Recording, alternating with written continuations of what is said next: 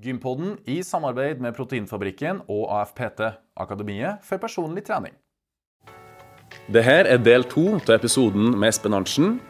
God fornøyelse.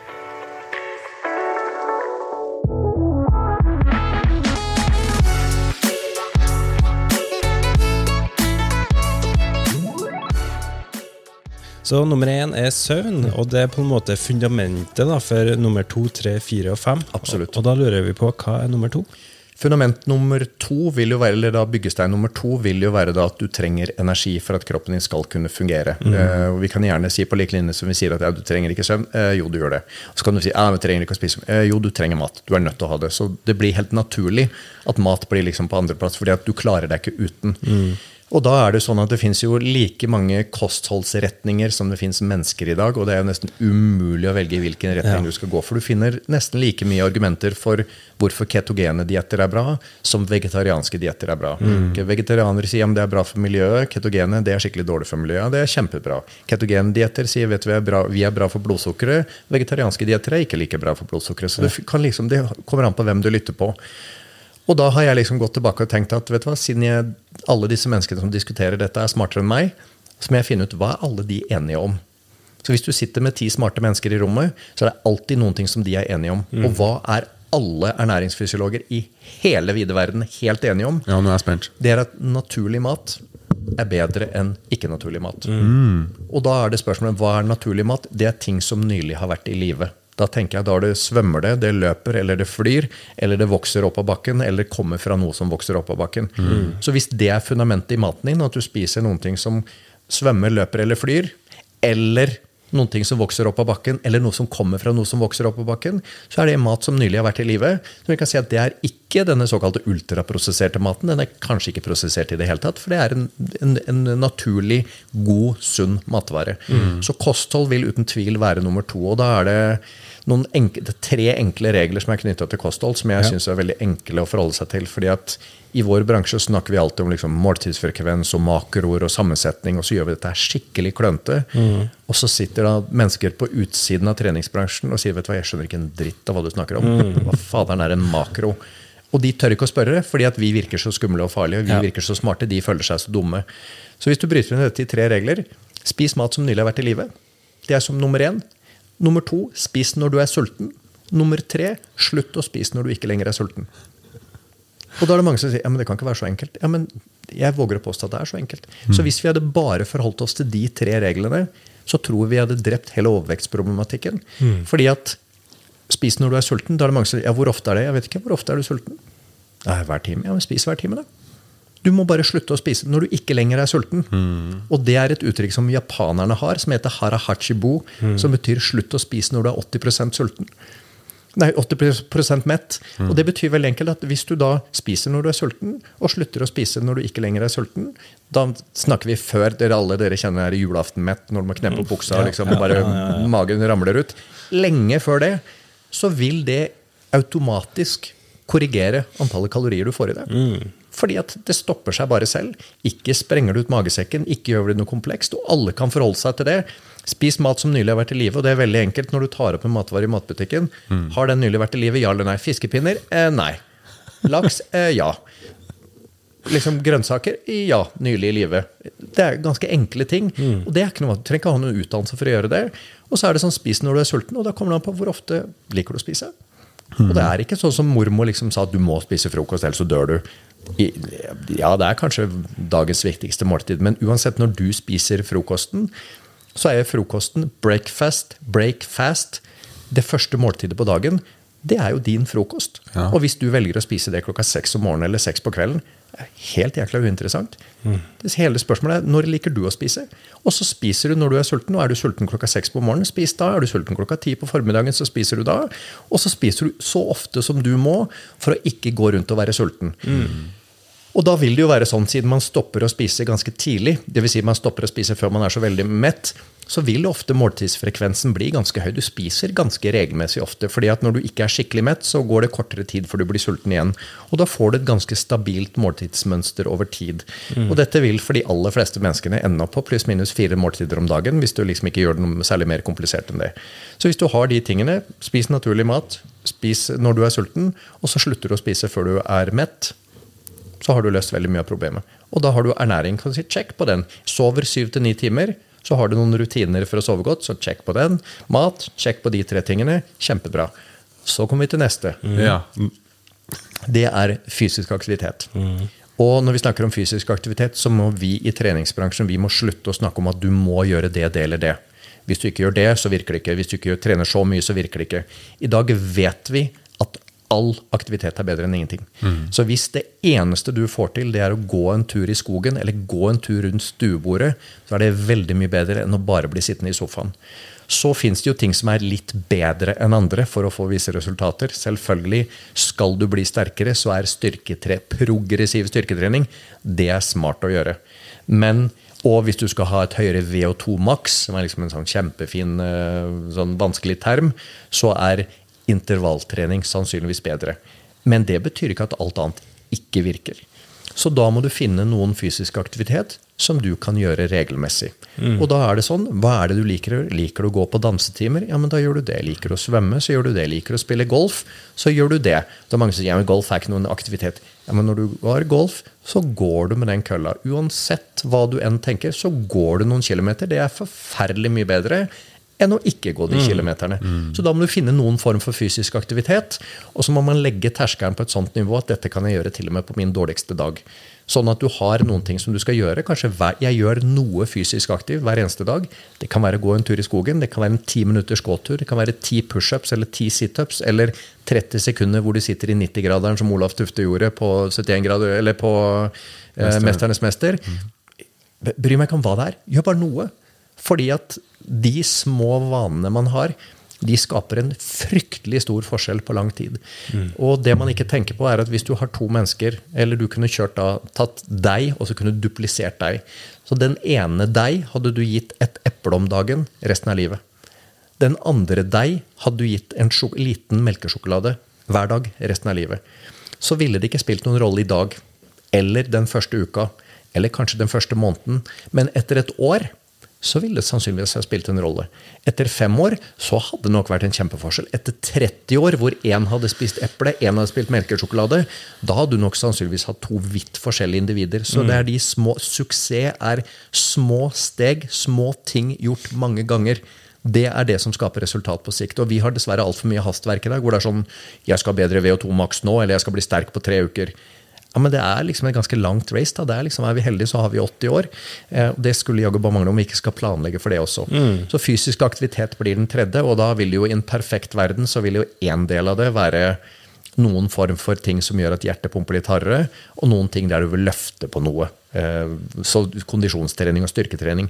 Men man skal ikke glemme bort at det finnes en del andre fysiske ferdigheter som vi glemmer bort, som også er helse.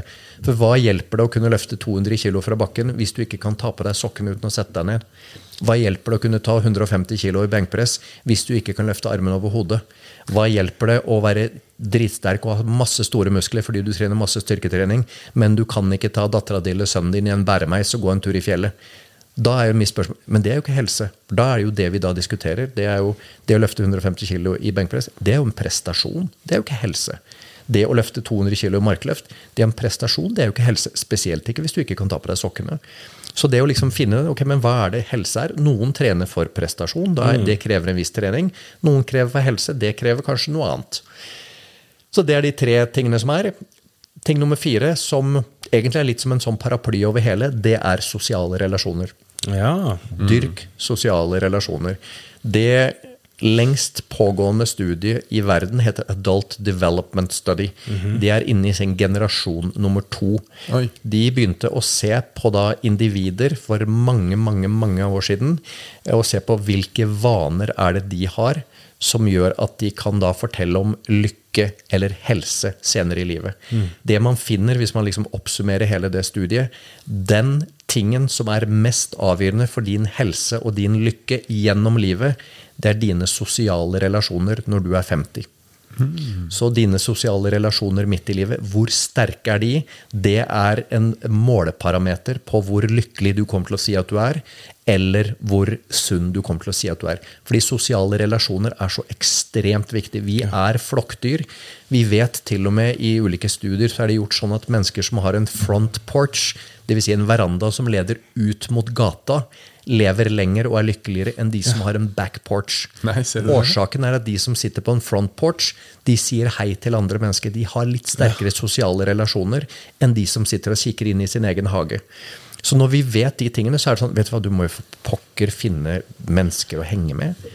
Og da er du veldig smart, da, som jeg er så heldig og har eksempelvis Soros eller en del eh, av mine gode venner, som er fantastisk bra mennesker. Og da er det sånn at jeg tror veldig sterkt på at mennesker er et snitt av de menneskene du tilbringer tid sammen med. Og da er det veldig enkelt. Når jeg henger sammen med Soros eller Ian eller Christian eller Alejandro eller hvem det nå enn er, eller dere for den saks skyld, så er det sånn at da må jeg skjerpe meg, for dere er jo ordentlige folk. Da må jeg si faen, jeg, jeg, kan, ikke være en del av den gjengen der hvis jeg er skikkelig asshole. Og det er jo en grunn til at du kan jo ikke være en dårlig spiller og spille på Manchester City. Hvorfor det? Fordi at spillerne er bedre. Du passer ikke inn. Og da vil jo de andre spillerne si ja, men han der han er jo for dårlig til å være på vårt lag. Han kan jo ikke være med. Men de vil jo ha inn en såkalt A-player. De vil jo ha inn en person som er like bra som de andre. Så det å våge å da finne mennesker som er smartere enn deg, og som utfordrer deg, og som er sterkere enn deg, og som er tøffere enn deg, og som har kompetanser og kunnskap som du ikke har, det er en fryktelig viktig bit for å kunne fortsette å utvikle seg og bli bedre. Så det å dyrke sosiale relasjoner ekstremt viktig. Eh, og det vet man jo da, mennesker som er gift, og er lykkelig gift, de lever jo lenger enn de som ikke er gift. Det er ganske enkle ting. Og det, nå er det sikkert sånn at de som er ulykkelig gift, de lever ikke fullt så lenge.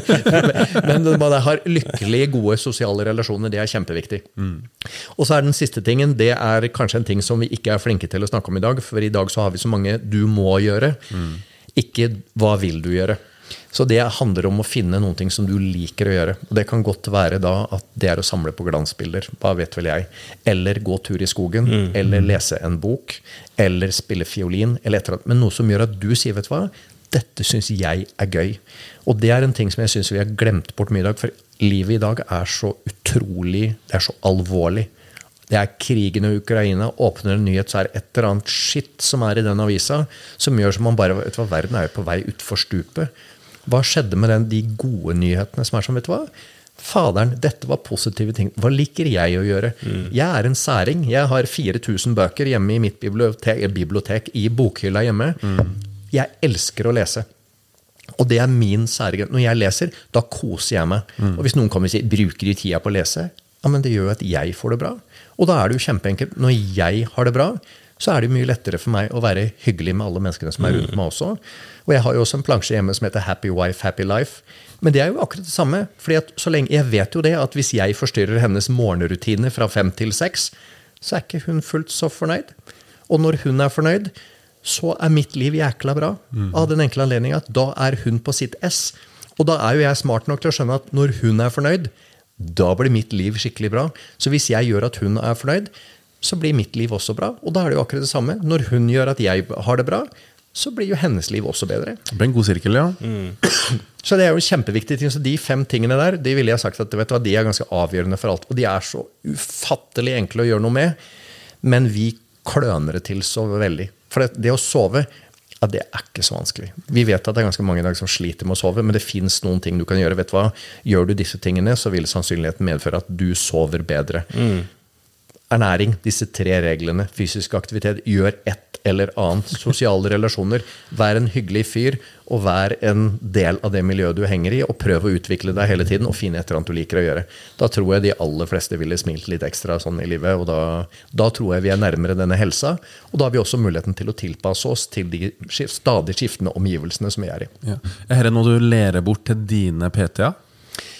Ja, vet du hva? Både ja og nei. Fordi at hvis jeg kunne valgt, så hadde dette ene og alene vært en leksjon. Ja, Ikke sant? Ja. Men er, er det en leksjon? Nei, det er ikke det. Og utfordringen i det er at den er ikke sexy nok. For dette, dette blir for kjedelig. Det blir sånn, ja, men det må jo være mer kult enn dette her. Ja, men Kjedelig og kjedelig. Jeg og Fredrik vi sitter, og jeg har ikke sagt noen ting de siste ti minuttene. Nettopp fordi at jeg hører på deg og lærer og syns det er superinteressant. For du har jo fem kjempegode poeng her. Ja. Ja, og man kan sitte, Når man sitter og reflekterer over det, kan man si vet du det her er jo grunnsteinen i alt. Og det er, For meg så er det som i matematikk. Ja. Matematikk er egentlig fryktelig enkelt. Det er pluss, minus, del og gange. Det må du beherske. Behersker du ikke det, så vil du aldri beherske avansert matematikk. Da kan du gjerne si ja, men jeg vil se på disse avanserte matteformene. Ja, men Kan du pluss, minus, del av gangen? Nei, det kan jeg ikke. Da kommer du til å mislykkes.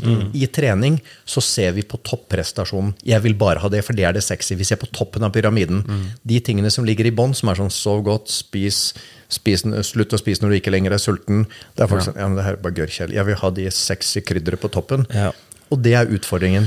Og samtidig er det sånn at hvis vi skulle, da skulle gjort dette til en leksjon, det hadde jo ikke vært vanskelig å gjort dette til en heldagsleksjon uten problem, så er det noe annet du må ta bort. Og da er det store spørsmålet, hva skal man da ta bort? Skal jeg ta bort anatomien? Nei, det kan vi ikke. Skal vi ta bort treningslæra? Det kan vi ikke. Men om dette hadde vært mulig å lagt til som en del til, enda en del, som et fundament for en PT-utdannelse eksempelvis, eller for meg dette er jo generell helsekunnskap. Dette har jo ikke noe med PT å gjøre. Det har jo bare, Ja. Hvis du ønsker at ditt liv skal være så bra som overhodet mulig, og du skal leve lengst mulig, best mulig, så er dette fundamentale ting som vi alle bør ta. Enten du er profesjonell yrkesutøver eller ikke.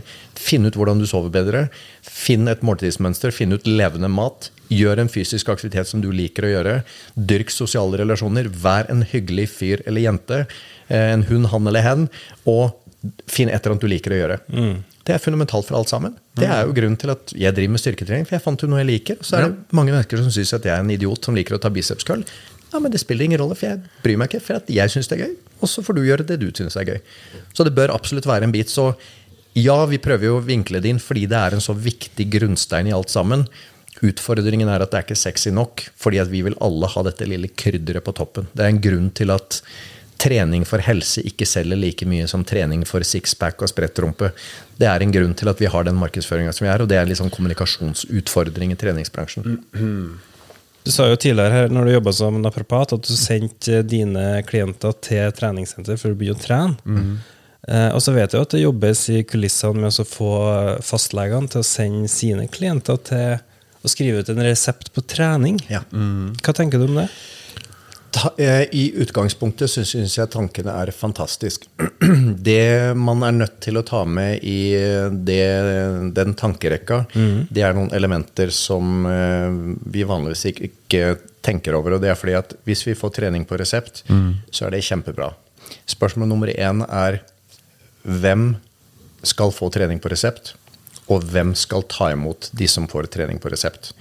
Da vil du automatisk ta noen mennesker og si vet du hva, du blir sendt på trening på, får trening på resept. Det vil være synlig. Ja. Så når det kommer en person på treningssenter til en PT, så, på resept eksempelvis, eller til en fysio, eller hva det nå skulle være, så kommer den personen i prinsippet med et stempel i panna. Legen sier at jeg ikke klarer å ta vare på meg selv. Du må hjelpe meg. Da vil det bli synlig. Og jeg sier ikke at det er negativt, det er et aspekt vi må ha med oss. Det er en grunn til at mennesker syns det er flaut å sitte på et legekontor i mange tilfeller.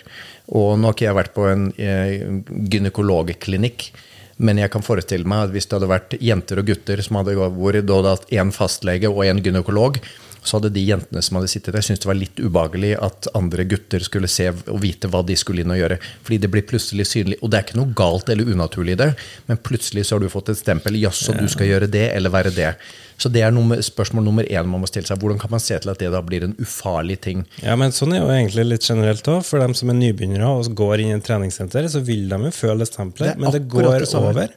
Ja, det går over, men hva med de da som ikke tør å gå inn på treningssenteret fordi de er livredd for det? Og det er mange av de også. Det er jo en sånn terskel som vi vet folk har. Jeg kan ikke trene, for jeg passer ikke inn. Og det er mange som vil ha den følelsen. Så det er liksom det første aspektet som jeg tenker. Spørsmål nummer to er hvem skal ta imot denne kundemassen? Hva slags type kompetanse skal disse menneskene ha? For de menneskene som skal ta imot de som kommer med trening på resept, de bør sannsynligvis inneha en viss form for helsefaglig kompetanse. For der kommer det jo mennesker da med helse- og, eller hjerte- og karsykdom eller tilsvarende ting. De må håndteres av en profesjonell aktør. Da må du ha det apparatet til å ta det imot. I dag, i treningsbransjen, så har vi ikke det apparatet. Av den enkle anledning, Det fins ikke nok av de høyt utdanna menneskene med helsefaglig kunnskap til å ta imot den potensielle strømmen av mennesker som må komme. Og da må man ta hensyn til aspekt nummer tre. Hvordan skal vi kunne utdanne nok mennesker til å kunne gjøre det? Så vet vi jo at den helsefaglige utdannelse i dag, den tar tre år. Ja. Så for å fylle på nok mennesker der, så må vi kjøpe oss tre år på veien. Da må vi for det første være sikre på at vi har en utdanningsmulighet for disse menneskene. Men da skal det også være sånn at de menneskene som får beskjed om at du kan gå, nå gå inn i et treårig studieløp, de må vite at den jobben de går til, den er trygg. Der har vi i treningsbransjen en utfordring i dag. For at hvis du i dag begynner å jobbe på et treningssenter som personlig trener, så er det ikke, er det ikke en garanti for at du kommer til å kunne beholde den jobben. For det er ikke sikkert du lykkes. Og det er fordi at vi i bransjen, og jeg tar med meg som en del av det, har ikke vært flinke nok til å lære opp disse trenerne til hvordan de faktisk skal lykkes. Og de kravene blir enda høyere hvis du krever at de har en treårig utdannelse for å kunne komme dit. Og så får du aspekt nummer fire, som er de menneskene som nå kommer inn her eh, og har fått en treårig utdannelse. De må også lønnes i henhold til de kravene vi stiller på dem. Og hvem skal betale den regninga i dag? Hvor mye skal gå over statsbudsjettet? Hvor mye skal treningssentrene betale? For hvis den regninga dumper i fanget på treningssentrene, så vet vi at marginen i treningsbransjen i dag det er 0,8% Det betyr på godt norsk ingen treningssenter i Norge tjener penger. Gjennomsnittlig overskudd på alle treningssentre i hele Norge det er 26 000 per senter. Det er ingen penger i det hele tatt. Vil si, det er ikke penger til å lønne mennesker som krever høyere lønn. Og det vil de ha rett til å gjøre dersom jeg krever en høyere kompetanse av dem. Og da får man noen aspekter som skal gjøres. Så for på veien mot å få trening på resept, så må man finne en eller annen måte hvordan kan jeg bygge kompetanse over tid og gi treningssentrene og staten og myndighetene muligheten til å finne en finansiering over tid, sånn at vi møter denne på om én, to, tre, fire eller 5 år. Det er den store utfordringen. Hvis dette går for fort, så er jeg redd for at vi kommer ut og så får vi en kjempestor kundemasse som ikke har noen å gå til i det hele tatt, og fallerer hele løsningen. Men du tenker ikke at de PT-ene dere utdanner, er kyndige nok til å ta imot eh, klienter med leger, nei, eh, trening på resept? Jeg mener det. Ja. Men igjen så er det sånn at det spiller egentlig ingen rolle hva jeg syns og mener. For i dag så lever vi i Norge, og i Norge i dag så er vi ganske, vi er ganske formelle. Du skal liksom ha et stempel på veggen for at du skal si at du, hva, du er flink nok. Jeg vet hva våre studenter kan. Jeg vet hvor stort fokus vi legger på folkehelse. Jeg vet hvor mye arbeid de legger ned i å bli flinke. Og du har selvfølgelig noen som er flinkere enn andre, men jeg vet hvilket nivå vi ligger på. Jeg vet også hvilket nivå som studentene på NIH ligger på, hvor studentene på Helsehøgskolen Kristiania ligger på, studentene på Active Education ligger på, der hvor de skal ligge. Det er gode utdannelser. De har en god kompetanse, og de er i hvert fall i stand til å håndtere 90% av de kundene som noensinne kommer til å sette sine bein på treningssenter. Og så er det store spørsmålet den lille prosentsatsen på toppen som trenger ekstra kompetanse. Hvor mye kompetanse trenger vi for å håndtere den kundemassen, og hvor mye fokus skal vi legge på den kundemassen kontra de andre.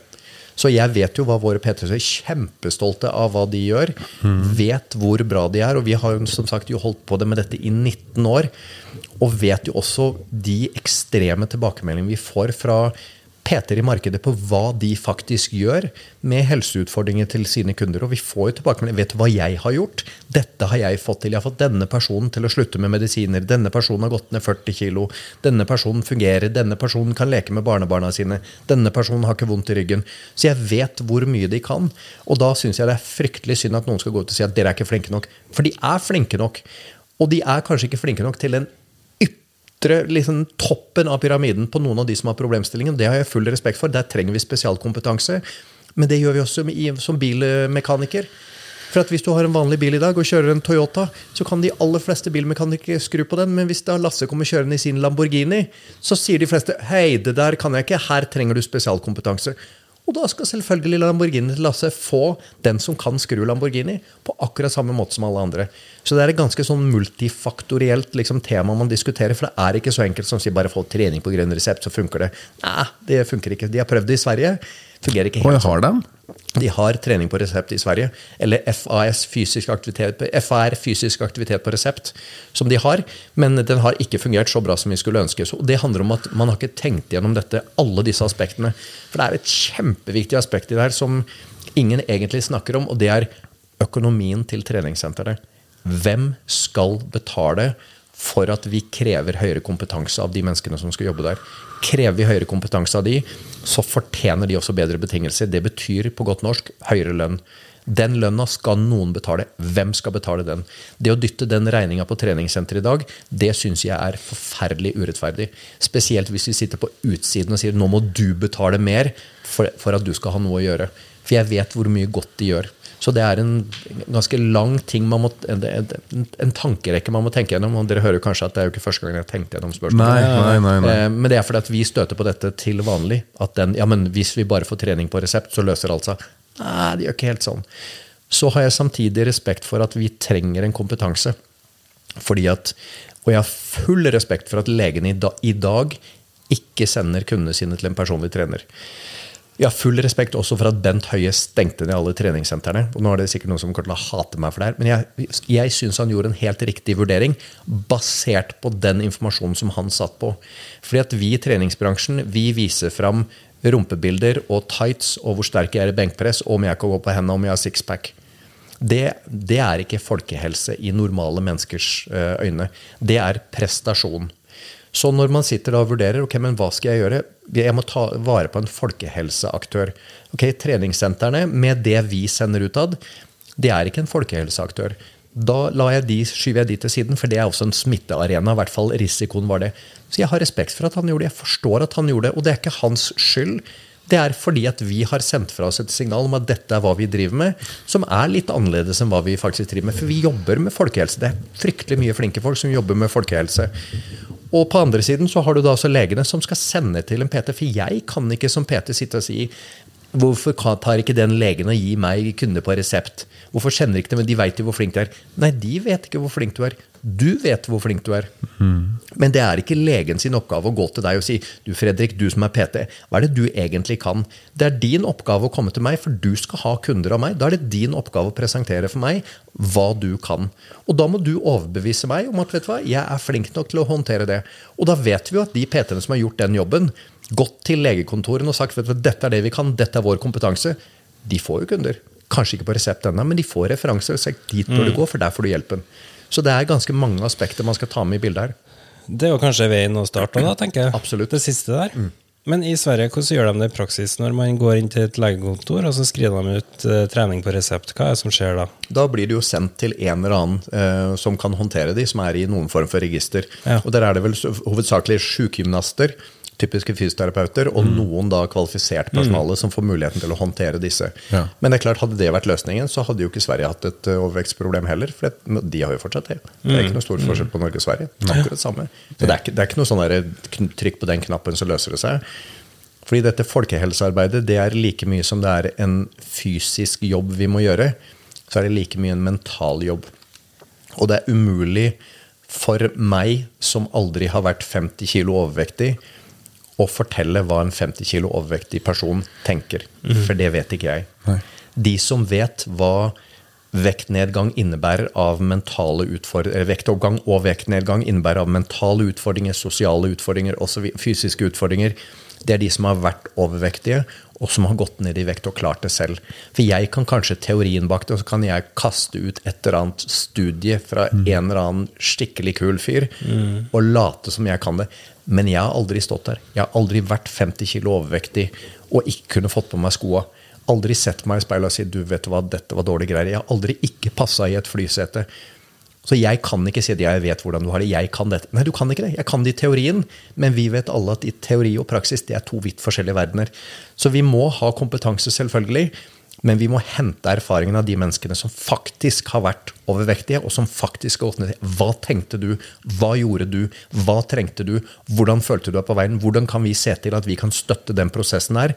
For det er ikke bare å trene og spise litt sunnere. For da hadde problemet vært løst hvis det hadde vært så enkelt. Det er bare å Og det er det vi trenere gjør. Vi sier jo til våre kunder ja, men det er bare å slutte å spise sukker. Og så er det bare å trene litt mer. Ja, men det, hva, er det, hva er det vi sier til de? Når jeg sier det er bare å, og det er den enkleste tingen i hele verden, og de har forsøkt gang på gang på gang å ikke få det til, så sitter jo de med følelsen at men hvis Espen sier det er så enkelt, og jeg ikke får det til, så må jeg være et dårlig menneske. Det eneste vi gjør, er jo bare bygge opp under dette. Vet Du hva, du er ikke noe flink, du får det ikke til, du er et svakt menneske osv. Og, så og så sitter jo mottakeren din og bare føler seg tråkka på. Når det eneste jeg vil, det er å bare si at ja, men det er egentlig ikke så vanskelig. Og det er i teorien ikke så vanskelig. Men i praksis så er det fryktelig vanskelig. Veldig godt. Så ja, driver du et treningssenter og ønsker en god kommunikasjon med et legesenter, så er det jo åpent for det. Absolutt. Og legene er kjempeåpne for det. Og heldigvis med den nye generasjonen nye generasjonen med leger som kommer, men de som nå kom, vokser opp i dag og utdannes i dag, de har jo fått med seg hvor viktig trening, helse og ernæring er. Som da kanskje da tidligere leger kanskje ikke har fått med seg i like stor grad. Så er det, i hvert fall, det er i hvert fall døra står mer på gløtt nå enn hva det har gjort tidligere. Og vi har, jeg har eh, han som er overlegen på akuttavdelingen på Kalnes sykehus, har Adil Anwar. Ja. Han har jeg hatt med på episode ved flere anledninger. Og han forteller jo dette og sier at vet du hva, det her er kjempeenkelt, jeg vil gjerne sende dit, men jeg må vite at du kan jobben din. Så de står jo med døra på gløtt, for dette er jo de de jobber med til vanlig, men vi må jo oppsøke de. Hvis ikke så er det jo det at du vet at du er flink, men ikke sier det til noen, det er like mye som å en, blunke til en pen jente i mørket. Ja. Det er bare du som vet om det. Og det hjelper ikke. Du får ikke noe date av det, for at hun vet ikke at du blunker. Så kan jeg si men fader, jeg har blunka til deg hele kvelden. Men hun har jo ikke sett det. Jeg kan, ja, men jeg kan jo like gjerne si at jeg er skikkelig flink, ja, men det er ingen andre som vet det. Du er bare du som vet det. Og så snakker jeg et språk som ingen andre skjønner i tillegg. Vi har jo vårt eget stammespråk, for da virker vi jo skikkelig kule og skikkelig flinke. Og det er klart, da sitter jo mennesker på andre siden. Men det aner ikke hva du snakker om engang. Så det, er, det, er liksom, det faller på sin egen urimelighet. Og så har vi så veldig lett for å liksom dytte, styre pekefingeren til alle andre og si at det er alle andres feil.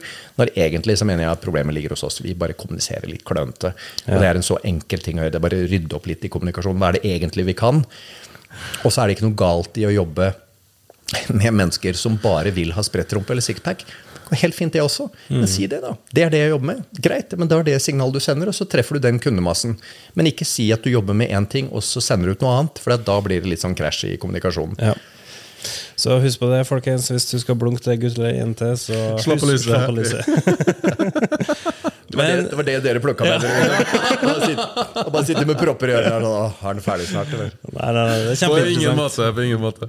Det er godt å se at du blir så engasjert i, dem, i det temaet vi snakker om. Så du virkelig brenner for det òg. Så Ja, det det, det. skinner gjennom.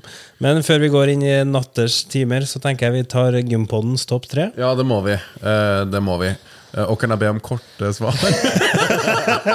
Ja, Nå får du bare legge på en femtiøring. Um, Hvilke tre matvarer har du alltid i kjøleskapet ditt? Cottage cheese, eh, røykalaks, epler. Hvilke tre matvarer har du alltid på kjøkkenet ditt? Eh, Appelsiner, eh, grovbrød og havregryn. Hvilke tre ting har du alltid i gymbagen din? Nå har jeg ingen gymbag, eh, fordi at vi trener i vårt eget rom. Men hvis jeg hadde hatt en gymbag, Ja. så hadde jeg hatt drareimer, fordi jeg har korte fingre som er svake som bare det. Ja. Så jeg hadde drareimer. Jeg hadde sannsynligvis hatt et eh, belte av noe slag. Og så hadde jeg hatt med meg en vannflaske. Det ville vært fire, så jeg hadde nok skippa, la oss skippe beltet og ta med et håndkle isteden. Hva er dine tre favorittøvelser? Favorittøvelser er eh, biceps curl, selvfølgelig. Det, Det er bro det eh, er kjempeviktig. Og så elsker jeg flies. Ja. Eh, og så er jeg I kabel eller eh, Nei, med vekter? Med hantler. Selvfølgelig. Ja. Og så er jeg veldig glad i dype knebøy. Mm. Spesielt med mange repetisjoner så gjør det ordentlig vondt. For det syns ingen andre er stas, og da syns jeg det er ekstra stas. Interessant. Vi har eh, en fast spalte til. Som eh, første spørsmål er hva er ditt beste helsetips? Men det har du på en måte svart litt på. Du har Mm. banka gjennom fem eh, ulike tips der. Ja. Vi kan gå over på neste. Hva er ditt beste treningstips? Finn noe du liker å gjøre. Ah, så enkelt og greit. Enkelt. Og det er veldig enkelt. Finner du noe du liker å gjøre, så kommer du til å gjøre det flere ganger. Gjør Mm. du det flere ganger, så blir du flink på det. Da er det enda mer gøy, og så gjør du mer av det. Så, så ukomplisert. Hvilke planer har du framover, da? Vet du hva, min, Yes. Både business og personlig? min viktigste oppgave det, og min viktigste jobb, det er å være pappa, ektemann og venn. Mm. Det er, står øverst på en liste. Jeg gjør det med varierende suksess, kan jeg si. Jeg, jeg våger, å påstå at jeg er en, våger å påstå at jeg er en god venn. Jeg ville gjerne hatt en venn som meg, for jeg hadde mm, gjort ganske mye for mine venner. Mm. Jeg er ikke alltid en like god ektemann. Det, nå sikkert sitter, sikkert sitter min kone og nikker i bakken. Det har du helt rett i. Eh, Jeg prøver så godt jeg kan. Jeg tror jeg er en god pappa. Det er viktig for meg. Det er sannsynligvis en av de aller, aller, aller viktigste tingene. Ja. Det er mitt favorittord på planeten, det er pappa. Ja. Eh, Så det er eh, det som står øverst på lista. Så hvis jeg i en perfekt verden så vil det alltid ha toppen av hierarkiet. Det er de viktigste tingene for meg å sjekke av. Og gjøre de tingene som gjør at jeg kan si vet du hva, jeg er en god pappa, jeg er en god ektemann, jeg er en god venn. Så det er liksom privat sånn sett. Og så er eh, ønsket om å kunne holde meg fysisk aktiv. Jeg har et mål om å bli i hvert fall 100 år. Ja. Eh, og det er veldig enkelt, fordi at jeg syns det er så veldig mye mer igjen vi kan gjøre. Eh, og jeg har veldig vanskelig for å forholde meg til at det er 80 år av livet, så- og det er alt du får, og så skal du sove i all evighet deretter. Det har jeg forferdelig vanskelig for å ta inn over meg. Eh, og se på det som en sånn der, eh, ja, hatt en dødsangst siden jeg var bitte liten. jeg- tenker du mye på det? Ja, masse. Oi. Altfor mye. Sånn ja. uforholdsmessig mye. Og jeg har alltid gjort det. Jeg husker første gang jeg gjorde det. Jeg lå hjemme hos moren og faren min og lurte på hvem som skulle få rommet mitt når jeg døde. Oi! Da var jeg, da var jeg før jeg var 11 år. Eh, og det vet jeg fordi at vi flytta til et annet. Jeg husker hvor jeg lå hen, og den senga den bodde, der bodde vi før jeg var 11 år. Så jeg har alltid hatt det i hodet. Og det ble egentlig forsterka av en uh, god venn av meg og god venn av oss som gikk bort. En lege som het Tore Taraldsen, som gikk bort i alder av 51 år til leverkreft, som er, eh, var et forferdelig tap. Uh, og han sa en ting til meg som bare har brent seg fast, som gjør at det grøsser nedover ryggen når, når jeg tenker tanken. Han sa Espen, jeg er ikke redd for å dø, men det er så mye mer igjen jeg skulle ha gjort. Og den følelsen der Jeg husker liksom blikket hans. det var sånn han var bare sånn desperat. Nå får jeg ikke muligheten mer. Han fikk noen få måneder igjen å leve og gikk bort i en alder av 51. Det er så gammel som jeg er nå. Det ser jeg på som er helt forferdelig. Så det, er liksom en, så det å kunne opprettholde fysisk en helse, en god helse i mange år, det er viktig for meg. fordi at Jeg også tenkt, jeg lovte barna mine at jeg skulle være her til de blir pensjonister. Eh, og siden jeg fikk barn når jeg var voksen, jeg var 42, eh, så betyr det at jeg må bli godt og vel 100 for at jeg skal kunne holde mitt løfte. Og det er viktig for meg å holde løfter. Så det er de to tingene. Også i forhold til AFPT og jobb så håper jeg at jeg er så heldig at jeg får lov til å jobbe med de mennesker jeg jobber med i dag. Og jeg har lyst til og har planer om å bygge AFPT til noe veldig stort. Eh, fordi at jeg tror vi kan gjøre en forskjell. Og det, det som er fordelen med det vi jobber med, er at det går aldri av mote. Det er ikke en trend, det er ikke et blaff, det er ikke et behov som går over. Nei. Vi gjør en forskjell for mennesker. Vi selger og jobber med et produkt som jeg aldri trenger å skamme meg over at jeg selger. Jeg selger et produkt som mennesker må ha og trenger, og det leveres av mennesker som er utrolig flinke på jobben sin. Så jeg har lyst til å bygge AFPT til noe veldig stort. Eh, og det er det som er målet sånn jobbmessig over tid. Og så har jeg en sånn sideprosjekt, og det er at jeg driver og skriver på en bok som heter Udødelig. Som jeg har holdt på nå i halvannet år. Og det er nettopp er basert på da, den jeg nettopp nevnte, denne frykten for å gå bort og ikke kunne leve lenge. Så jeg prøver å samle all den informasjonen som vi har tilgjengelig om hva som skal til for å leve lenge og godt. Oh, ja. Sånn at vi kan sette sammen, så at jeg kan egentlig lage en oppskrift på at hvis du har tenkt å leve lenge, her er oppskriften på hvordan, i prinsippet en bolleoppskrift på hvordan det skal være, som er basert på en sånn 365-dagersplan. Du gjør dette dag én, dette dag to, dette dag tre. Etter 365 dager så har du tatt inn alle de tingene som vi i dag vet om hva som skal til for å aldres med da Aldres med stil. Litt sånn art of aging. Ja. Ikke bare anti-aging, men litt av det å eldes med stil. Det er bra, og da tenker jeg at du kan ta deg en sup med Snåsavatn, så får du start på den eh, reisen der. Fordi nå skal vi over til vår faste spalte, Ti kjappe. Er du klar? Yep. Eh, varme opp eller rett på sak? Rett på sak. Proteinsjekk eller proteinbar? Proteinsjekk. Trene med pulsklokk eller ikke? Ikke Hjemmetrening eller trene på gym? hjemme. Jogge ute eller inne? Ute. Høre podkast eller se podkast? Høre. Fredrikstad eller Oslo? Fredrikstad. Biceps curl eller dype knebøy? Biceps curl. Trene med musikk på øret eller uten? Musikk på øret. Whisky eller en god bok? Whisky. Oh, der går det unna! Meditasjon eller rolig stund med kaffe? Rolig stund med kaffe. Kostholdsplan eller freestyle-tallerken? Eh, kostholdsplan. Netflix eller YouTube? Netflix. Tren med eller uten Kine? Med. Generell oppvarming eller spesifikk oppvarming? Generell. Undervise eller trene andre? Undervise. Kaffe eller energidrikk? Kaffe. Motbakkeløp eller intervaller? Motbakkeløp. Morgenstund eller kveldsstund? Morgenstund. Skal vi danse eller danse med samboer? Skal vi danse. Få skryt eller gi skryt? Eh, Gi skryt. Melding på telefon eller på e-post? E-post. Sprudlevann eller vann fra springen? Vann fra springen. Trene andre eller trene selv? Trene andre. Kjøre selv eller sitte på? Kjøre selv. Løpe sakte eller jogge fort? Løpe eh, sakte. Lage mat sjøl eller takeaway? Lage mat sjøl. Sommer eller vinter? Sommer. Gå tur i skogen eller gå tur på fjellet? Gå tur i skogen. PR eller pump? Pump. Lære bort eller lære noe nytt? Lære bort. Tøy ut eller reise rett hjem etter trening? Tøy ut. Lasse eller Fredrik? Begge. Åh, siste. Trappa eller heisen? Trappa. Den Hva er var den tam- mest effektive vi har hatt på ja, Nå har ikke vi 200 episoder, men kanskje 60 episoder? Ja. Wow. ja, gratulerer, du tok seieren der. ass. Tusen takk. Ja, den, eh, Jeg den skravla meg satt bort på alt annet, så da var det greit. Ja. Nei, men Da tror jeg vi begynner å nærme oss slutten. her. Du, vi begynner ikke å nærme oss, vi er på slutten. Ja, Er det noe du har lyst til å tilføye på slutten, Espen? Jeg vet hva, jeg syns det er kjempehyggelig. Jeg synes eh, alltid sånne ting som dette er gøy. Det er gøy å se mennesker som eh, gjør jobben. Dere har jo tross alt et manus. Dere er jo forberedt. Det er jo noen ting som ikke vi har vært på 199 Nei, men, episoder. Du trenger jo ikke manus. Du har jo lest 4000 bøker, da, så du har jo, det er jo kanskje det som er manuset ditt. Ja. Ja, vet du hva, Uansett så er det sånn at jeg er imponert over at dere er så forberedt som dere er. Eh, Jeg syns det er innmari kult at dere gjør det. Og jeg tenker på Dere har kommet ganske fort, ganske langt, eh, og det er en, ganske, det er en veldig bra greie. Så jeg syns det er utrolig hyggelig å være her. Eh, Så selv om Du- jeg skravla meg bort og skravla dere Nei, bort, så har det vært en, en glede. Tusen takk. Vi jo, prøver alltid å jobbe med folk som er flinkere enn oss, og da er det en eh, ære å ha deg som gjest her. Ja, absolutt. Ja. Og med det så setter vi i gang jinglen, og det er bare å si tusen takk til deg, kjære lytter og kjære seer, for at du fulgte med og hørte på. Og til deg, Espen, tusen hjertelig takk for en veldig fin prat. Ja, virkelig. Det har vært en glede.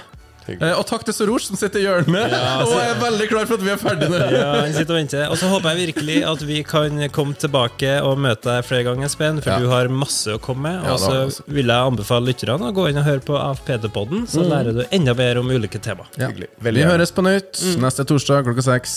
Ha det.